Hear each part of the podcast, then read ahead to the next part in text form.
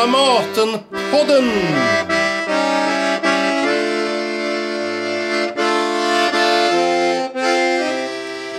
Välkommen till Dramatenpodden med mig, Anneli Duva. Och idag har jag Ada Berger med mig i Dramatens ljudstudio. Men på coronasäkert avstånd. Vi sitter på flera meter ifrån varandra här vid ett bord. Eh, och jag tänkte börja med att välkommen först och främst förstås. Tack ja. så mycket. Tack. Och jag ska börja med att presentera dig bara lite grann. Att mm. du är regissör, dramatiker. Du är konstnärlig ledare för Unga Dramaten sedan 2016. Du är född 1977 i Uppsala. Mm. Utbildad på dåvarande Dramatiska institutet, som har bytt namn flera gånger sedan dess, i teaterregi. Du tog examen 2008. Och du har innan dess studerat bland annat litteratur och religionsvetenskap mm. på universitetet. Och du har jobbat på radion, på P3. Du har regisserat på Uppsala stadsteater, på radio och tv. Och sen var du under tre år mellan 2013 och 2016 konstnärlig ledare för Unga Teatern vid Malmö stadsteater. Mm.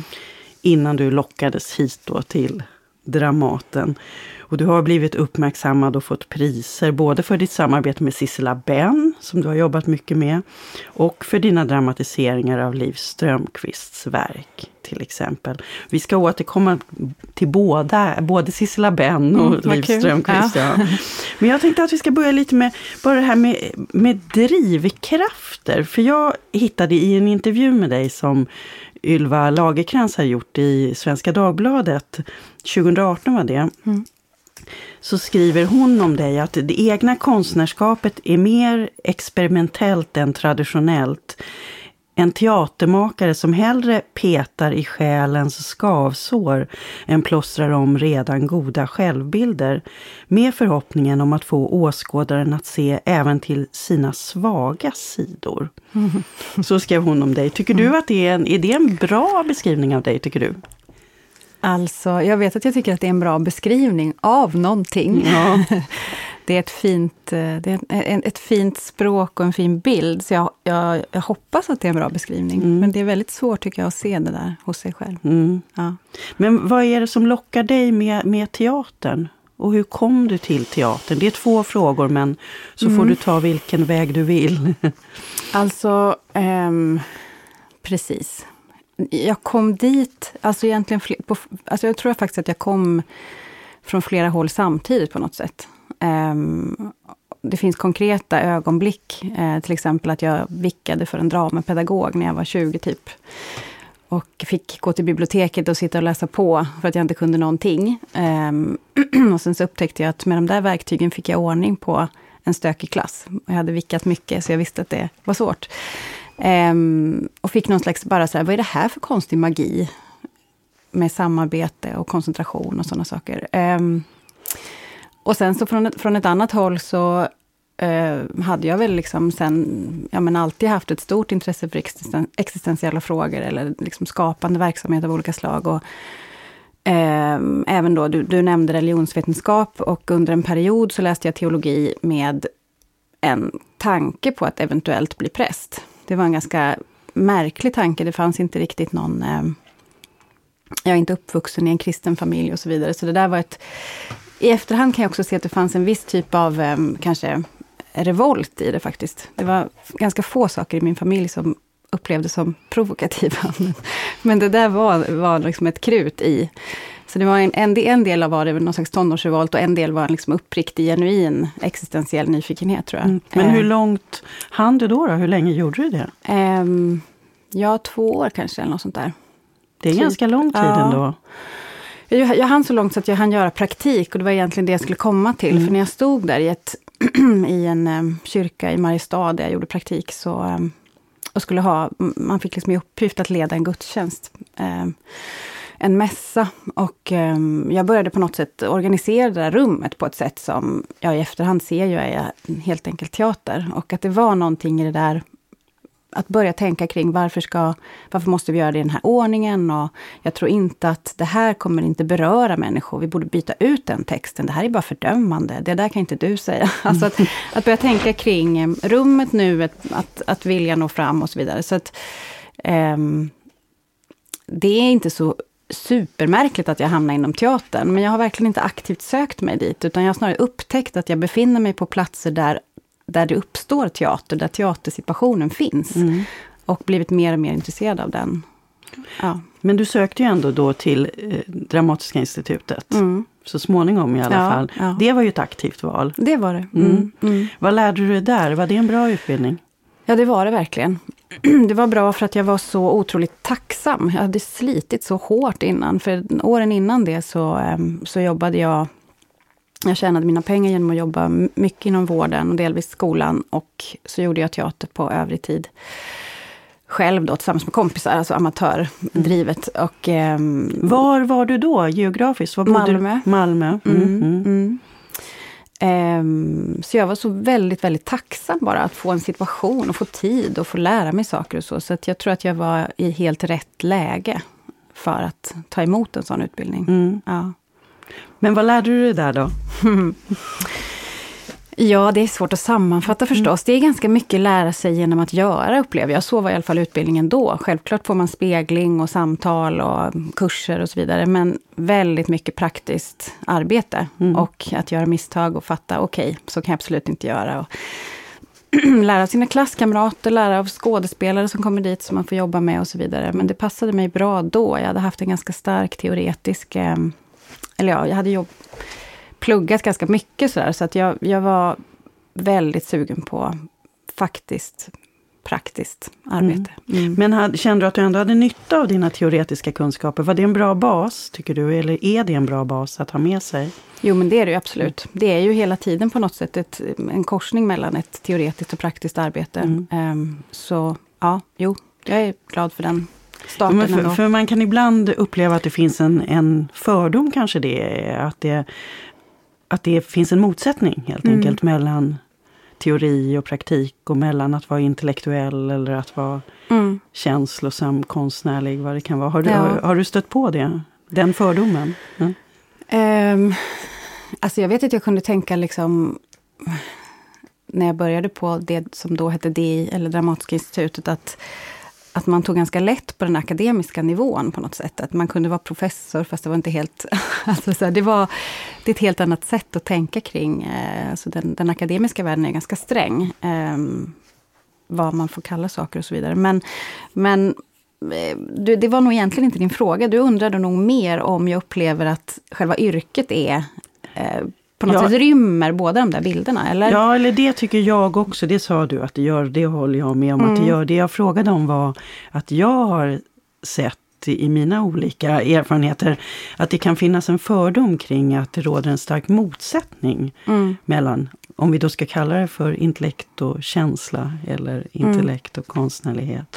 Akademin och eh, konsterna. Mm. Mm. Jo, jo, men det, det kan man ju stöta på, absolut. Eh, jag vet inte om jag har något jättebra exempel på det, men det finns ju... Ändå kan jag tycka att just regiyrket är ju på något sätt så otroligt det är så centralt. Man behöver stå på båda benen på något sätt.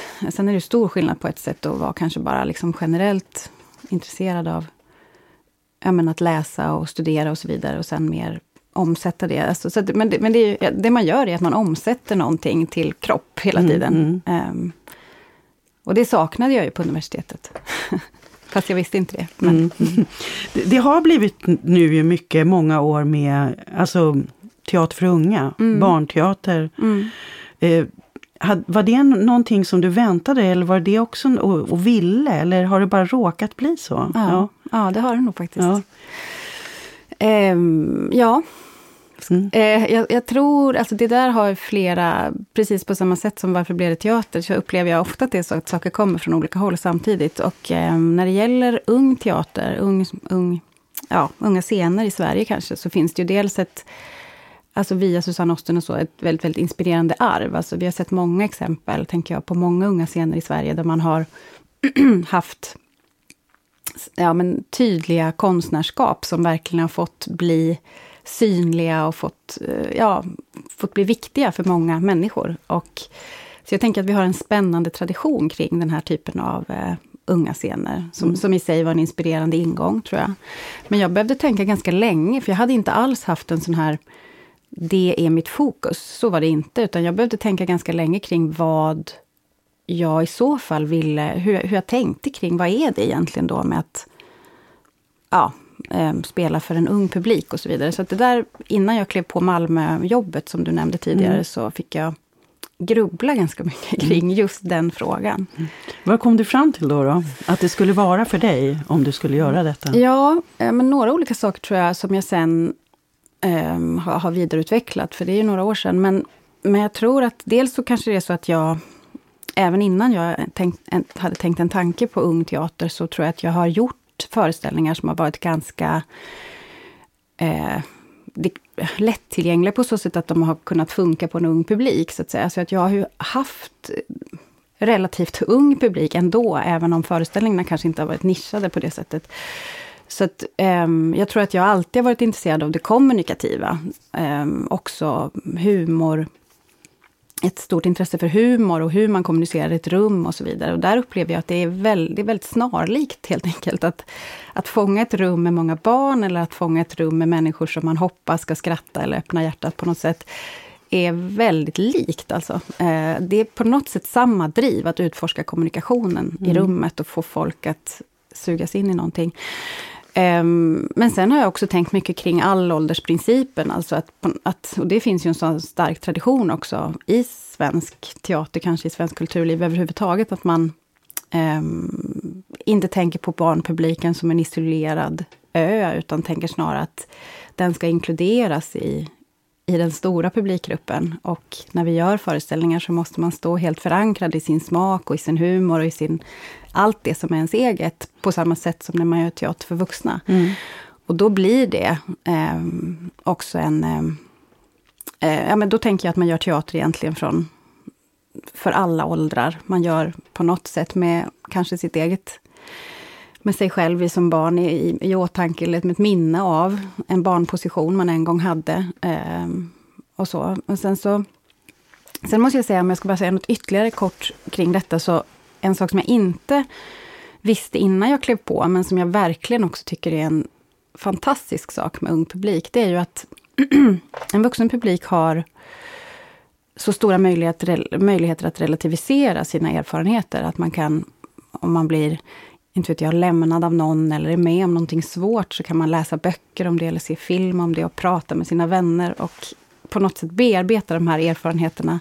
En ung publik särskilt om den är riktigt ung, har ju inte samma möjligheter, utan man lever ju oftast i en tillvaro som man inte har fått möjlighet att förstå att det skulle kunna se annorlunda ut. Det är en ganska stark sak med att vara barn, mm. att man kan behöva lämna en uppväxtstad för att förstå att okej, okay, jag kan vara på ett annat sätt. Jag måste inte alltid ha den här rollen eller så. Och då upplever jag ofta i teaterrummet att en föreställning kan ha den funktionen. Alltså när man får se sina erfarenheter gestaltade så får man syn på sig själv för första gången. Mm. Och då, det, är en, det är en sån stark, eh, extrem variant av aha-upplevelse upplever jag, som, som är som en ynnest att få vara med om. Mm. Um, mm. Ja, det är otroligt eh, starkt att tänka. Mm. Alltså just att mm. varje liten människa som sitter där, att det kan... Men då blir det också ett ansvar, tänker jag, att, för då har man ju på ett sätt satt igång en process kanske. Ja. Och, och där, den tar ju å andra sidan slut ja. när barnen lämnar Precis. teatern. Mm.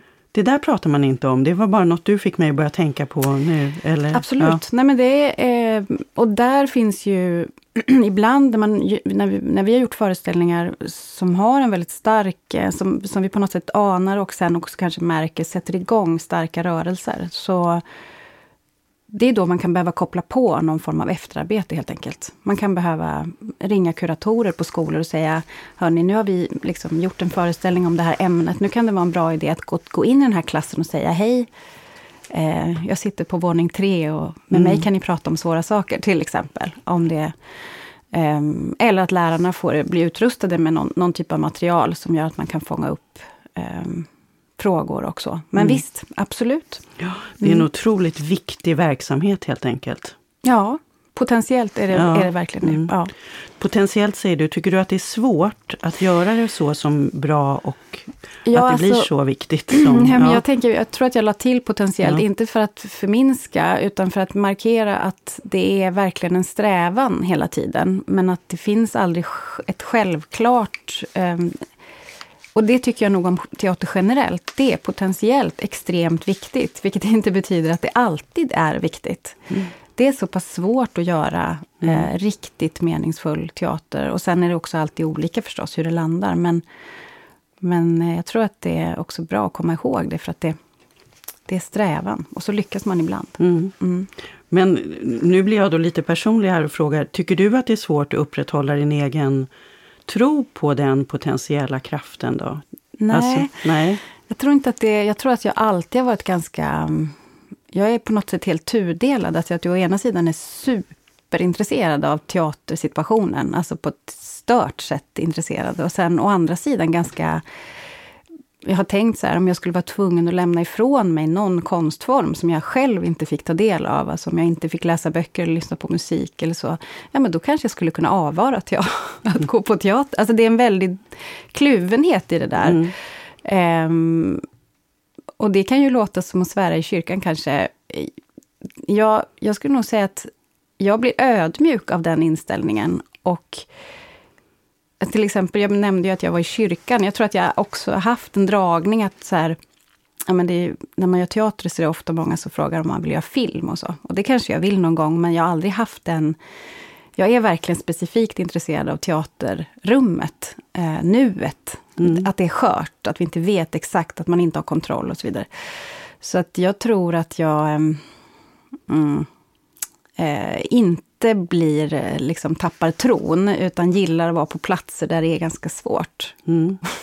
Nej men det är jättespännande. Men hur jobbar du då? För det har jag undrat över när man har sett dina mm. uppsättningar. Eh, många har ju sett just dina Liv Strömquist-uppsättningar. Och, och då blir det ju verkligen så här, hur, hur mycket... Ja, beskriv din arbetsprocess. Jag förstår att den är olika, mm. i, kanske i varje gång, men improviserar du mycket? Mycket, det måste du ju nästan ja. göra, tänker jag, annars skulle det inte kunna bli som det blir. Men, men berätta någonting om, om hur du angriper detta rum som du då är så intresserad av och denna process. Ja. Mm.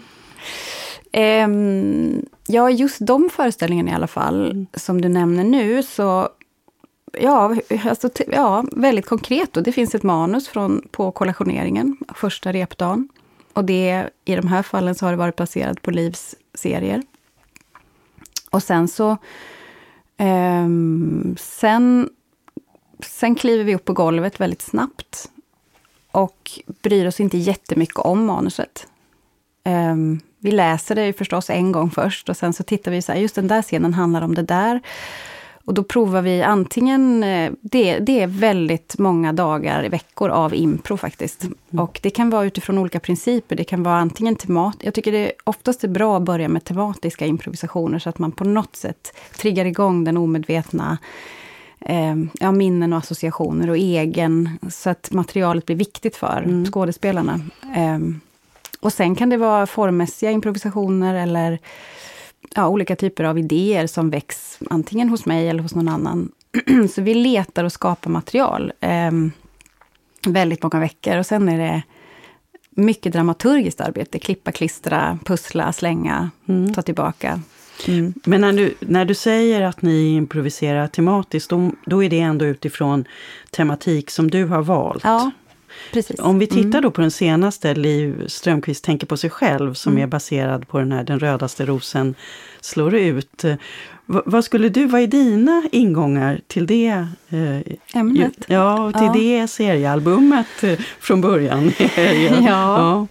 Jag hade nog inte tänkt att jag skulle göra en, en föreställning med Liv här igen. Um, För den första som ni gjorde 2014, Liv Strömquist tänker på sig själv. Nej, tvärtom, jag tänker ja, på dig, precis, precis jag ja. vänder på titlarna här. Ja, det är lätt gjort. Den, den, blev, den blev ju en sån otrolig framgång. Alltså den har ju verkligen blivit en kultföreställning. Ja, men ja. märkligt, alltså precis hur saker kan slumpa sig och, och, och vad, vad, nu det beror på så att mm. säga. Men, men jag, jag har alltid velat jobba vidare med liv, men jag tänkte att just här, och, eh, ja, att det mm. fanns mm. någonting det var som att göra en tvåa. Liksom. Det här är läskigt redan innan man börjar. Men, men så läste jag då det här albumet, hennes senaste, och fick helt enkelt den där starka, starka mm, kontakten med det som gjorde att jag blev så sugen helt enkelt. Mm. Och då tänkte jag att ja, men började i den här änden, att det känns helt... Det, här är, det kändes för mig då inte alls som att jag skulle göra om någonting, utan det kändes som att det här vill jag ju bara in i. Och nu jobbar jag här och eh, det har gått ganska många år. Och ah, så gjorde vi det ändå. Mm. Mm. Men vad var det för tematik då som du fastnade för där? För det, det finns mm. ju väldigt, det är ju väldigt rikt, alltså ja. det är mycket, mycket material och mycket teori ja. faktiskt i just det seriealbumet. Precis. Jo, det är nog det mest teoritunga album man har gjort och mm. alltså då kanske det mest svåröversatta albumet. Alltså, inte så mycket gratis av situationer eller liksom kända personer som det brukar vara. Um, men det var så här, det handlar om kärlek eh, på, det mer, på den liksom första nivån, kan man säga att det gör det. Men jag upplever att kärlek egentligen är mer exempel på en annan, djupare tematisk eh, linje, eller vad man ska säga, som handlar om kontroll, eller brist på kontroll kanske. jag upplever att, att, eh, att vår föreställning i alla fall försöker, sen är jag inte alls säker på att det är det som når fram, men, men för mig var i alla fall intresset eh, ett, ett, stort intresse för att titta på de olika samtida försök som människor ägnar sig åt för att ta kontroll över det man inte kan kontrollera. Alltså till exempel kärleken och till exempel döden. Mm. Eh, och att det var något roligt att tänka också att på teatern så är ju kärleken och döden liksom de två största ämnena säkert. Um, och det ägnade vi oss åt också. Så vi hade ju en, så här, en döden i, i klassisk Bergman. Det blev ju ingen Bergman-festival. Det var ju en, en, blinkning till den naturligtvis. Men mm. Den skulle haft premiär exakt. under den tiden. Fick nu premiär ändå, fast inför den här lilla publiken. Precis, mm. precis. Men det var mycket som... Mm. Men, men kärleken och döden, fast egentligen så var den på något sätt... En, det vi försökte gräva i var um, hur, och visa upp olika exempel på hur vi försöker kontrollera det som inte går att kontrollera. Mm. Mm. Men där finns ju också det här, alltså Liv Strömquist, det, det måste ju ändå vara någonting i dig, och, och mellan dig och henne, mm. som är väldigt speciellt. Om du skulle säga någonting om det då? Det är alltid intressant det där ja, när man hittar de här... Man hittar någon, ja. ja. Mm. ja det, är, det, är, det skulle jag faktiskt säga att det är.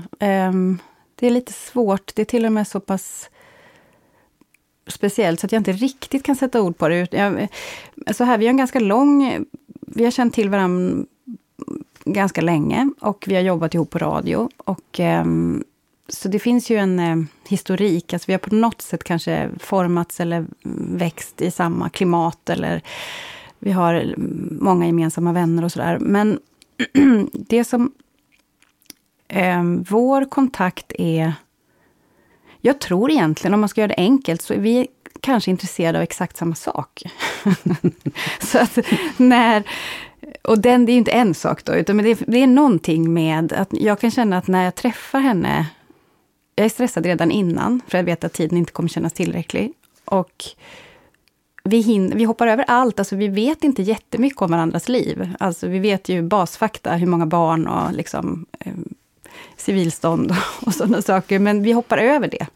Vi använder det bara om det är ett exempel på det vi egentligen pratar om. Och sen så är det ett mycket, mycket intensivt samtal då, den tid som vi har lyckats skrapa fram, för vi har också ofta jättesvårt att hitta den där tiden. Och, och hon är jätteupptagen och jag är också upptagen ofta.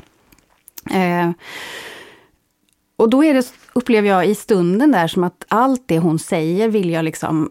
Vänta, vänta, vänta, vänta. Det vill jag att du utvecklar. Alltså varenda mening är på något sätt som en liten, liten dörr till någonting jag vill veta mer om. Så det blir... Eh, det är som att det brinner i huvudet och jag har ofta så här ont i käkarna efteråt för att jag liksom pratat mycket och, och sådär. Och matt, alltså att jag kan vara helt slut också.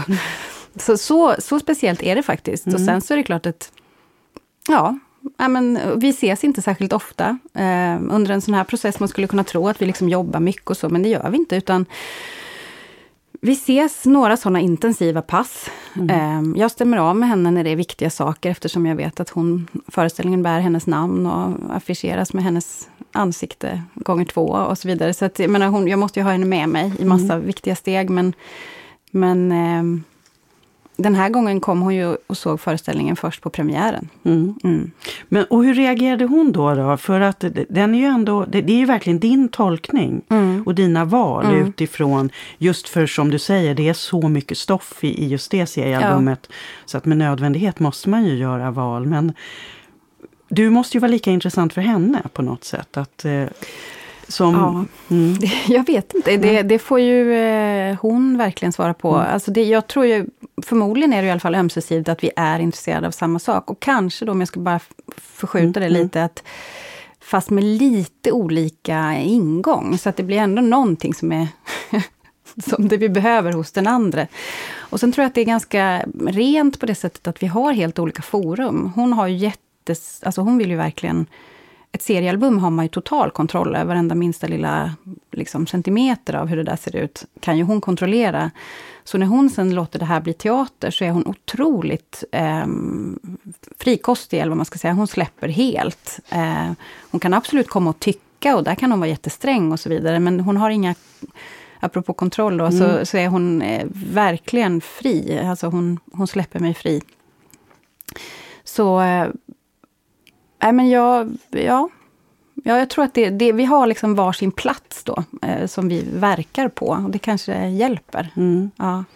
För, för kopplat till det så tycker jag att det är spännande då också att nämna det här för Sissela Benn som mm. du träffade. Ni träffades redan innan du gick på DI som jag mm. förstår, när ni gick på någon folkhögskola ihop. Precis. Ja. Mm. Vad, var det som hände mellan er då? För ni har ju också samarbetat väldigt mycket. Mm. Det, här, det, är lite, det som är roligt med det här är, om du tänker just, du nämnde Bergman mm. och alla gubbar, alltså, ja. som genom, nej, men genom alla ja. år, de har ju alltid suttit och pratat om, om hur viktiga de har varit för varandra ja. och sådär. Men, men det här, jag tänker nu när du sitter och pratar om Liv Strömquist på det här sättet, att det, det här hör man ju nästan inte. Alltså det, nej, det, det, är sant faktiskt. Det är, det är en fin sak du lyfter fram nu tycker jag. För att det intressanta var att precis när jag skulle börja prata om Liv, så så fick jag impulsen att säga, nej men det är det som en, en manlig vänskap, tänkte jag säga. Och sen så kände jag så här, nej men jag är så trött på att hålla på och könskoda det ena och det andra. Alltså jag, jag, säger inte det nu. Men det var verkligen min första association, därför mm. att jag tror att jag har tänkt på det som att eh, det är en slags då intellektuell vänskap, där det, det är det som är centrum mm. och fokus. Så ja, men Sissela Benn. Ja, ja. ja, hur ser den mm. relationen ut? Vad är det där som händer? Um, Ja, vi träffades när vi var i, jag tror att jag var 23 och gick på folkhögskola i, i Skånes, eh, i mitten av Skåne. Och eh, ja men alltså, vi, hur ska jag säga, vi blev kompisar då. På ett, och, det var mer, alltså Liv och jag har aldrig varit kompisar på det sättet, utan vi känner varandra på något annat konstigt mm. sätt. Men, men Sissel och jag blev helt enkelt eh, ja, kompisar på det vanliga sättet. Och sen vet jag, eh, för att det skrev jag i en dagbok, att jag skrev så här, jag skulle vilja starta en humorgrupp. Och jag skrev det där därför att jag typ skämdes för det, för det lät så fån. Jag vet inte varför. Men denna sak sa jag i alla fall till slut till Sissela. Ehm, så vi började, jag vet att vi gjorde en sketch som var jätte, jättetråkig. Vi fattade liksom inte alls hur man skulle bygga dem eller helt och parallellt med det så åkte vi, den här historien kanske, den har jag berättat någon gång, så det är möjligt att, att den redan är berättad så att säga. Men vi var i alla fall, helt kort då, så var vi ett påsklov hemma hos mina föräldrar. För vi skulle isolera oss för att på något sätt då försöka verka fram någon, någonting väldigt oklart, som kanske var en film eller kanske en humorgrupp. Eller, det fanns en längtan, men det fanns ingen riktig koll, tror jag faktiskt, på vad, vad som krävdes för att komma dit. Um, de där dagarna förflöt och det blev inte mycket gjort. Vi drack vin och snackade och kände oss eh, lite misslyckade när vi åkte hem. Alltså, men, men också glada. Det var trevligt ändå. Eh, bara det att en av kvällarna så hade Sissela tagit min pappas glasögon som låg på pianot. Eller, ja. Mm. Och så tagit på sig dem och så satte hon sig vid pianot och så eh, sa hon så här, jag heter Filippa Bark och nu ska jag underhålla er. Och då gjorde hon det. Och det var absolut, den födsloprocessen var exakt så kort. Den var en sekund. Um, så satt hon där vid pianot och pratade och sjöng, sjöng illa och berättade olika saker om sig själv och fanns då på det där magiska sättet som, eh, som det kan vara med vissa karaktärer. Mm. Och sen fattade ingen av oss att det, det, det, var ju det som var fyndet. Det var mm. det som hade hänt under de där dagarna. Och det dröjde flera år. Ja, det tog så lång ja. tid. För alla som inte då känner till så är Filippa ja, Bark en, gestalt som ja. sen kommer få ett helt eget liv Exakt. genom Sissela Benn. Precis. Mm, mm, mm, mm. Men hur, hittade ni, hur förstod ni det då? Alltså om det tog så lång ehm. tid, hur kom hon tillbaka eller fanns mm. hon där hela tiden? Nej, Nej, alltså hon låg väl där någonstans och, och skvalpade men, men eh, Sissela hade panik för hon skulle uppträda på en humorshow några år senare. Um, och sa det, det här materialet håller verkligen inte. Jag kan inte göra det här. och så sa jag, kommer du ihåg den där tjejen som, som du gjorde, vad sjutton hette hon? Hon som du gjorde, du vet, när vi var då hos mina föräldrar. Ja, så tog hon upp, alltså hon hittade några glasögon där i alla fall och eh, ja, så gick hon dit dagen efter med den här Filippa Barr-karaktären och då råkade det sitta en tv-producent i publiken och sen behövde hon inte gå scenskolan. ja. Mm. ja, men och sen har ni fortsatt och nu har ju eh, Filippa Bark, ja, på att säga, du ser, Sissela Benn gjort eh, en sån här som kallas för Lektioner för livet, mm. som är ett koncept, får man väl säga, som, som du och ni på Unga Dramaten har hittat på. Mm. Där humorpersoner ska göra en föreställning om ett viktigt ämne. Mm. Och hon har gjort en som handlar om prestationsångest. Det är flera som har varit inblandade. Paula McManus har varit med och skrivit till mm. exempel också. Eh, och den ska ut sen skolor ska kunna köpa det här och Precis. visa. Mm. Eh, och det här det är ju ett väldigt, väldigt intressant eh, projekt i mm. sig. Hur, hur kom du på det då, eller ni? Hur gick det till? Ehm, um, när vi började faktiskt med, alltså, det finns ju hela tiden ett tryck när man jobbar med eh, skolan som sin främsta målgrupp, så finns det ju ett tryck att man hela tiden ska passa in i en läroplan och vi håller ständigt på att försvara konstens egenvärde och att försöka undvika att göra saker bara för att det passar precis in i läroplanen och så vidare. Och sen så var det någon gång när jag kände så här, nej men gud vad vi vi har tvärtom då, sa jag. Vi har tvärtom. Vi, vi, vi tittar på den här läroplanen och så försöker vi göra fruktansvärt intressant och underhållande kemi, till exempel. Och det där var egentligen inte en idé som sen...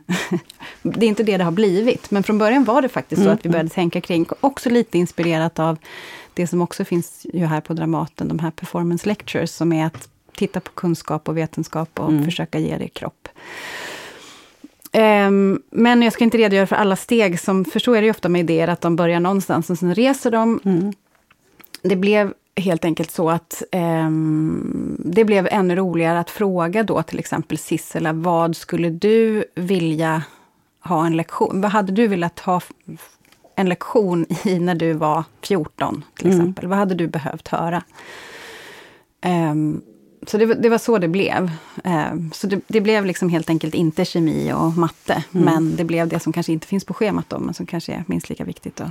Det ska kunna komma till exempel att handla om, nu vet man, vet du vad det blir? Eller det fanns massa ja. idéer har ja. jag Sex var någon va? Ja, Dro droger, någon annan ja, kanske? Eller, droger eller? har vi nog inte, men sex, ja. har, sex har florerat. Men då kanske det ska vara mer en, en specifik, eh, kanske inte sexualkunskap på det breda sättet, utan mer en, någon, mm. någon personlig ingång mm. i det. Och sen, ja men vi har pratat om psykisk ohälsa och vi har pratat om olika typer av...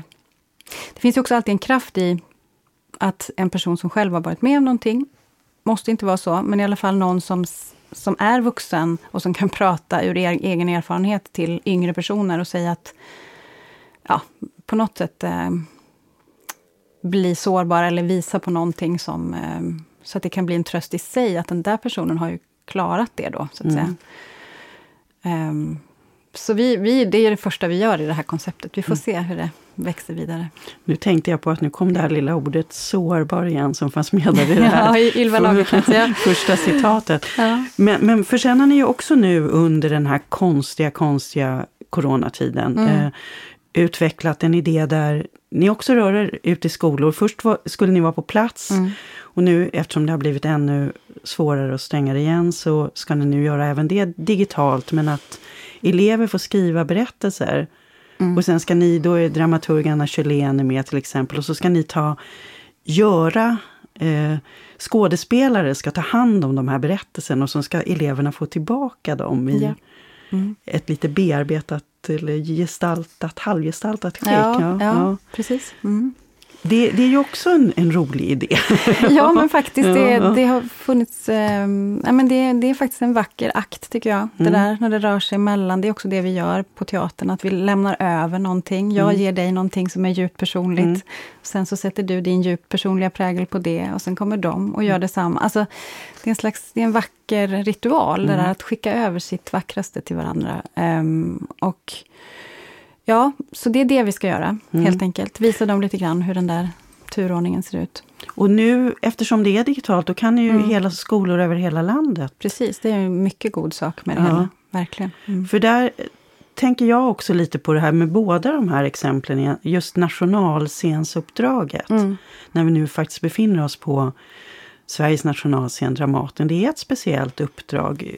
Och jag kan se, jag tycker att det här är två väldigt bra och roliga exempel på att man öppnar mm. och utvecklar det uppdraget till någonting som är relevant idag mm. också. Hur, hur mycket tänker du kring det nu när du jobbar här och har gjort det? Jo, jag skulle säga att jag tänker mer och mer på det faktiskt. Det är som att den frågan är den är både så konkret och så abstrakt samtidigt. Men, men faktum är att den här coronaperioden har ju förtydligat frågan. Um, vi har tvingats ut. Jag är inte särskilt intresserad egentligen av den där digitala, eh, som jag sa innan. Jag är så mm. intresserad av, av nuet och rummet, så att jag, jag måste nog tvingas göra digitala saker för att upptäcka att det kan ha en, ett stort värde. Och när jag nu har tvingats till det så, um, så ser jag ju att det är en enorm kraft förstås, att vi kan bli mm. hela landets teater. I den mån vi kan, men mm. i alla fall mer. Mm. Och, det, och så, så, idéer väcker nya idéer och så vidare. Så det där är också, det är inte bara nu känns det som, utan det känns som att vi får nya vi kommer att fortsätta också på något sätt. Jo, men för man kan ju förhålla sig på alla möjliga nivåer till det där. Jag menar, man har ett exempel också att du gjorde, och ni gjorde på Unga Dramaten, tre klassiker mm. för barn. Alltså mm. det var Den lille girige, Lilla måsen och Lilla Svansjön. Alltså mm. en ballett och sen en Tjechov-klassiker och en Molière-klassiker. Mm. Men tolkade för... Ja, Lilla måsen var för lite större barn, men de andra var ju för riktigt små barn. Mm. Hur mycket hade det att göra med en sorts lek med den här idén om vad det här huset också står för? Jo, men mycket, skulle jag säga. Eh, det är ju som en dialog man har med pedagoger och så vidare. Att man pratar på något sätt om det. Teater är den mest välkända formen.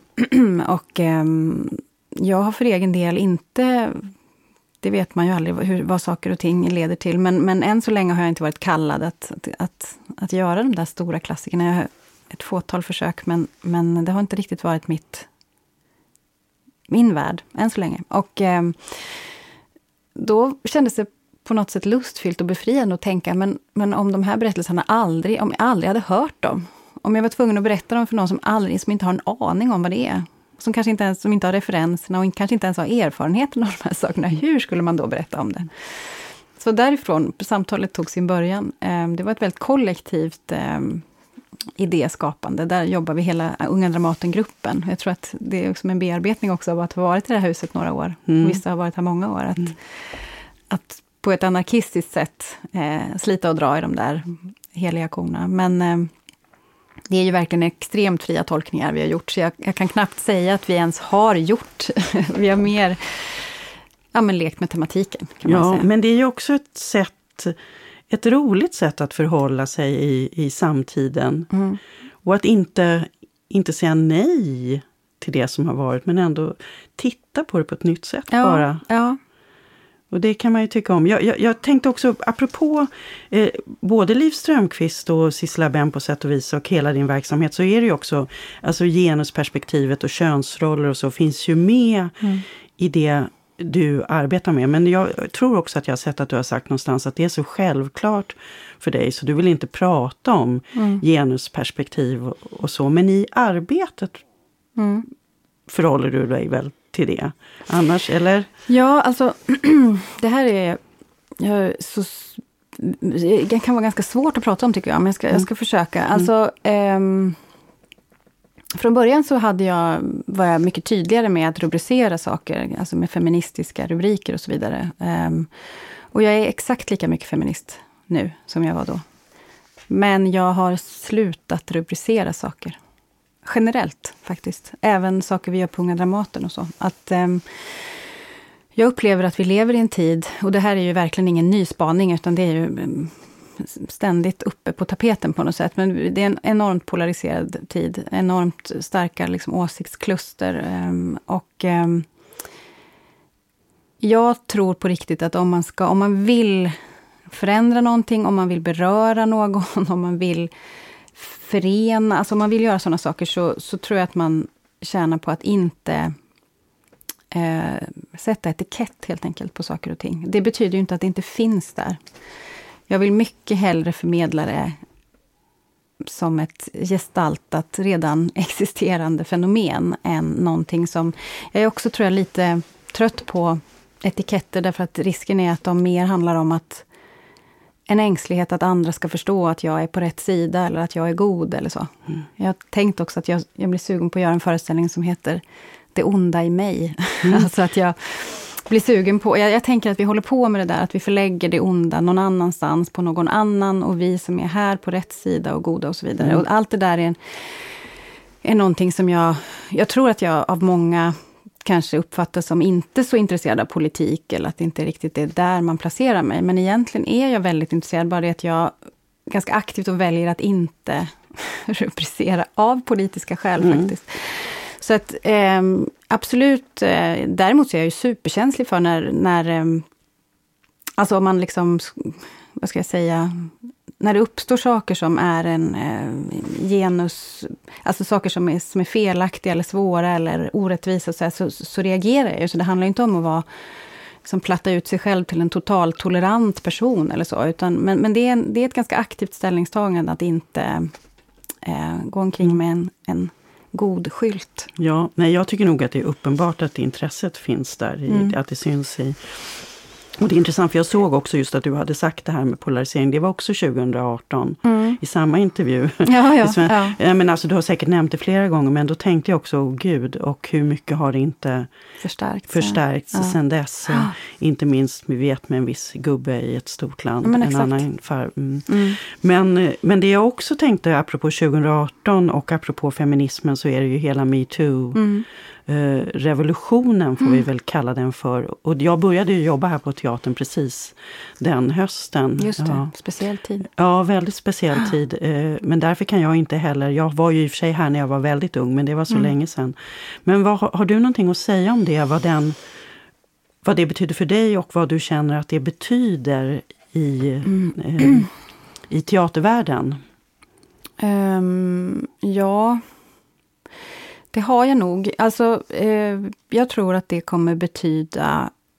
Jag tror, att det, jag tror att den förändringen som skedde då det är en så stor förändring som man kan... Alltså större förändring kan det nog inte genomföra. Alltså det är så bara speciellt att... att eh, däremot så... Alltså det jag är väldigt glad för, det är ju att det som inte riktigt gick att prata om helt enkelt går att prata om. Att det som gick att sopa under mattan inte går att sopa under mattan. Ehm, att all den där skörheten kopplad till, sådana här fenomen eh, har fått som en... Ja, men det har fått som ett skydd. Liksom. Och då handlar det inte alls, tycker jag, bara om sexuella trakasserier. Utan jag tycker det handlar egentligen om alla typer av maktbeteenden som, ehm, som sanktioneras på olika sätt. Alltså det kan lika mycket handla om aggressivitet eller om så. Sen kommer det alltid, alltid behöva fortsätta arbetas med. Mm. Och eh, det kommer också... Sen finns det massa saker som händer i efter, alltså efteråt, så att säga, som också är komplicerade, som handlar om att eller jag tycker att det är viktigt att då, om, om, om, man, om man gör, som man skapar ett starkt systerskap, en sån här rörelse som är det, um, så är det också viktigt att det systerskapet får vara... Att man får vara olika inom det. Alltså att inte det blir strängt och dogmatiskt, så att nej, du måste tycka som vi, annars är du inte med, så att säga. Utan jag känner att jag kan bara trivas i ett systerskap där alla får vara ganska olika. Mm. Alltså där, där vi får liksom acceptera olika feminismer eller olika identifikationer och så vidare. Så att det kan jag tycka är viktigt att fortsätta med, men det är ju på något sätt en tendens som alltid finns i revolutioner, att de blir blodiga och de söker hämnd. Och jag säger inte att det är så specifikt, det finns väl alla. Men jag, jag tror bara att, att, för att den här liksom utvecklingen ska fortsätta på samma, och, och, verkligen ska kunna använda sig av den enorma kraft och det viktiga genomslag som det fick, så tror jag, på ett eh, mångfacetterat systerskap Mm. framåt. Som även också gärna får innefatta männen förstås. Mm. Men för nu är ju du konstnärlig ledare, du är chef helt enkelt. Ja, Ja. ja. och det var du ju även i Malmö. Mm. Eh, Och det, apropå att du själv säger att det har med maktstrukturer på, Mm. en, på, en, på ett större sätt att göra eh, också.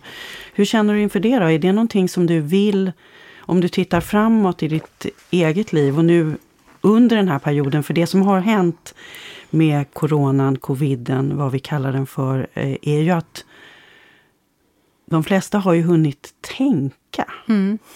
på sina liv. Det tycker jag generellt, jag märker alla man pratar med att man omvärderar kanske, eller i alla fall hinner fundera på vad man gör. Hur, hur ser du på det där? Vill du vara chef och konstnärlig ledare? Är det, alltså hur ser du på det? det Ja. ja. Eh, jag, vill, jag vill göra klart min period här. Jag tycker att det är jättefint och roligt att få vara här och göra det. Um, saker och ting ändras ju. Men skulle jag svara idag så vill jag inte bli chef sen. Nej. Nej, Och vad vill du göra då? då vill jag regissera Mm. på fulltid. Mm. Mm. Och hur har du påverkats, känner du, av, av den här tiden? Som sagt, Liv Strömquist, den senaste, den fick ju ändå premiär, men då bara Mm. för 50 Ja. personer i salongen. Den kommer förhoppningsvis kunna komma tillbaka ja, så är det tänkt tror jag. Ja. Mm. när teatern får öppna. Vi hoppas på det. Eh, Vi får som han se den. Jag såg något genomdrag där också, att det, Mm. att det blir så. Men, eh, men hur har du påverkats av den här väldigt underliga situation som det är? Att det nu att saker faktiskt inte får premiär. Till och med några färdiga uppsättningar här i huset har ju nu inte fått ha sin Nej. premiär. Nej. Och innan dess med den här lilla publiken. Och nu repeteras det inte ens, just precis när vi spelar in det här Nej, i december. Ja. Mm. Nej, du menar hur jag påverkats, Ja. alltså hur arbetssituationen har Ja, sett ut ja. på något sätt. ja, Ehm, och hur du som person har, mm. hur, hur det har berört dig. Eller? Ja. Ehm, alltså det har ju på ett väldigt konkret sätt handlat om väldigt mycket arbete som egentligen inte leder någon vart. Och det där är ju tröttande för alla. Och det är verkligen inte bara för mig, utan ehm, vi har satt igång och vi har avbrutit och satt igång och avbrutit. Och det där har... Och det, det, det finns ju olika så perioder, så det, det kan människor tolerera en viss tid och sen Mm. blir det där tärande och så. Ehm, men jag tycker nog ändå övergripande att att det finns ju, vi, vi vet ju så väl varför det är så här. Och vi är ju i, gemens, alltså i en slags gemenskap av det. Så det är tröttande och tärande. Men det är också, det är inte, man behöver åtminstone inte fråga sig, men varför? så att säga. Utan ja, vi vet ju varför. Mm. Ehm, sen tror jag att det där med att spela för väldigt lite publik, Ehm, som vi från början tänkte, men det går väl inte ens. En föreställning som också är byggd för att leva med sin publik och studsa mot den och hämta reaktioner från den och sådär. Och så gick det ändå... Det gick ändå på något sätt. Såklart att det blir något helt annat, men det blir litet och intimt och lite, lite tyst och lite skört och sådär. Men ja, men sen tror jag att över tid så tror jag faktiskt att det också gör någonting med självförtroendet hos skådespelarna. För då är det som om... Det blir det, blir det nya normala ju. Och eh, då... Ja, men I början så är man ganska öppen för att ja, det är något helt annat. Men sen så när det där blir normalt så tror jag att, jag, jag tror att det är viktigt att eh, ja, få, få erfara, för just för den föreställningen, liksom att få och i den, i den mån det är möjlighet förstås, då, eh, möta en stor publik och få liksom, ja just det, det är så här det ska vara. Mm.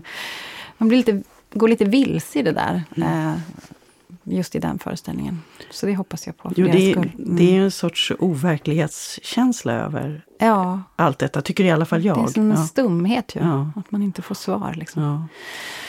Men, eh, men nej, så, så, så är det och det tror jag jag delar.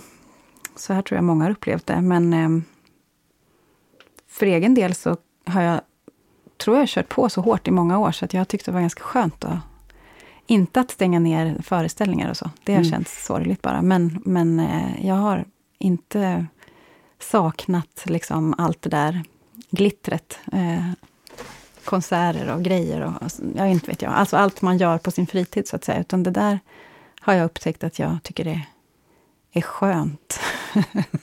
att gå, det är som om eh, den där rörelsen inåt, alltså jag har inte haft tid för den riktigt, men jag har mm. saknat den, har jag upptäckt nu. Mm. Och sen så får vi väl se, sen kan det ju bli så, det känns ju nästan så som att Teaterhuset kommer bara nästan explodera när, ja. när det öppnar igen, för då står alla uppsättningar står på kö. Ja, för herregud, få, det är som sprängfyllt här. Ja, ja. Ja. ja. men det är ju inte en, det är en bra känsla. Absolut. Mm. Mm. Tack så jättemycket Ada Berger för att du kom hit till Dramatens ljudstudio och var med i Dramatenpodden. Tack Anneli. förkunna av Gud